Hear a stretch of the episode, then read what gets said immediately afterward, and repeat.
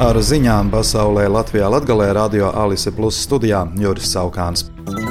Jau četrus mēnešus ilgst Izraēlas un Hamas militārais konflikts, un šodien Eģiptē savā jau piektajā vizītē tuvo austrumu reģionā šajā sakarā ierodas ASV valsts sekretārs Antonijs Blinkens. Kairā viņam paredzēta tikšanās ar Eģiptes prezidentu Abdel Fatahu As-Sisi. Dienu iepriekš Rijādā bija sarunas ar Saūda Arābijas kroņprinci Mohamedu bin Salmanu Mērķis ir vairot atbalstu jaunam pamieram Gazas joslā. Blinkens dosies arī uz Izrēlu un Katāru. Pirmdien Amerikas Savienoto Valstu armijas pārstāvji paziņoja par triecieniem pa diviem Jemenas hutiešu bezapkalpes kuģiem, kas bija pielādēti ar sprākstvielām un radīja draudus Amerikas Savienoto Valstu kara flotes kuģiem, kā arī tuvumā esošajiem tirdzniecības kuģiem.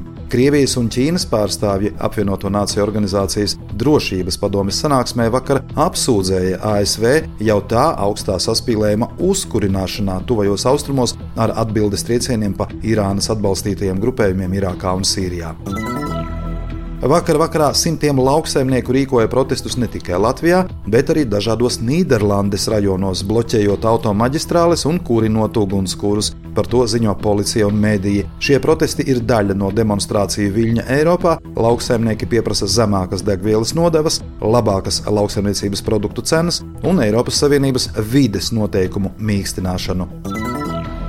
Igaunija šodien ir spiests atstāt Maskavas patriarchāta pakļautībā esošās Igaunijas pareizticīgās baznīcas metropolīts Jevģēņijs, kurš laicīgajā dzīvē ir Krievijas pilsonis Valērijas Rešetņikovs. Viņš, tāpat kā Krievijas pareizticīgās baznīcas metropolīts Kirills, attaisno Krievijas agresiju Ukrainā un tāpēc nesaņēma uzturēšanās atļaujas pagarinājumu. Igaunijas policijas un robežsardzes departaments jau vakar atteica viņa uzturēšanās atļaujas pagarinājumu un deva rīkojumu nākamajā dienā atstāt valsti. Līvānu novada pašvaldība nosūtījusi atklātu vēstuli Latvijas valsts prezidentam, ministru prezidentei, Saimas izglītības, kultūras un zinātnes komisijai un cilvēktiesību un sabiedrisko lietu komisijas Latgales apakškomisijai, lūdzot tikšanos un iespēju pamatot savu viedokli klātienē, Atklātajā vēstulē līvānieši iebilst pret lauku skolu iznīcināšanas politiku, kura tiek ieviesta ar grozījumiem izglītības likumā. Līvānu novada pašvaldības ieskatā ir jāsaglabā valsts finansējums pedagoģa algām un lauku vidusskolu un pamatskolu pastāvēšanai arī tad, ja skolēnu skaits šajās skolās nav pietiekams. Saimas cilvēktiesību un sabiedrisko lietu komisijas Latvijas apakškomisija šodien jau skata izglītības reformas jautājumus Latvijā, un sēdē piedalīties uzaicināti izglītības un zinātnes ministrijas Līvāna novada domes un Rudzātu vidusskolas, kā arī skolēnu vecāku pārstāvji. Valsts ieņēmumu dienesta muitas pārvaldes amatpersonas uz Latvijas robežas ar Baltkrieviju novērsa kopumā 8518 cigarešu paciņu, jeb 170 tūkstošu cigarešu kontrabandu. Tas notika sestdien, 3. februārī. Pāternieku muitas kontroles punktā no Baltkrievijas iebrauca kravas automašīna, ar kuru tika pārvietotas mēbeļu daļas. Pamatojoties uz risku informāciju, transporta līdzekli novirzīja pārbaudēji ar kravu kontrolas rengena iekārtu. Cigaretes bija paslēptas puspiekabes grīdā speciāli izveidotās slēptuvē.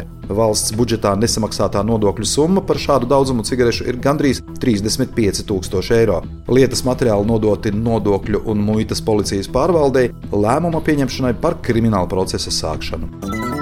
No 3. līdz 25. februārim Zemesardzes 34. kājnieku bataljona militārajā bāzē Daugopils valsts pilsētā un mācību poligonā Meža Matskeviči Augšdagovas novada Vaboles pagastā notiek Zemesardzes 3. Latgales brigādes zemesargu militāras pamatapmācības kurss. Tajā piedalās vairāk nekā 40 zemesargi no visiem brigādes bataljoniem. Daugopils iedzīvotāji tiek aicināti nesatraukties, kad laika posmā no 6. līdz 16. februārim Daugopils valsts pilsētas apkaimes cietoksnis Sijā Intergaz teritorijā redzēs mācību nolūkā pārvietojamies militāro transportu, karavīrus un zemesargus ar strēlnieku ieročiem. Mācību laikā tiks izmantota mācību munīcija, kas troksni rada, bet cilvēku dzīvību un veselību neapdrauda. Izmantotā teritorija pēc apmācībām tiks sakopta.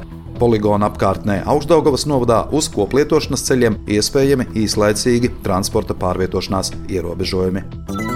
Ar ziņām studijā bija Juris Saukāns par ziņu raidījumu Ziņas bez robežām pasaulē Latvijā Latgalē. Saturu atbild Sijā Alise Plus projektu finansē Mediju atbalsta fonds no Latvijas valsts budžeta līdzekļiem.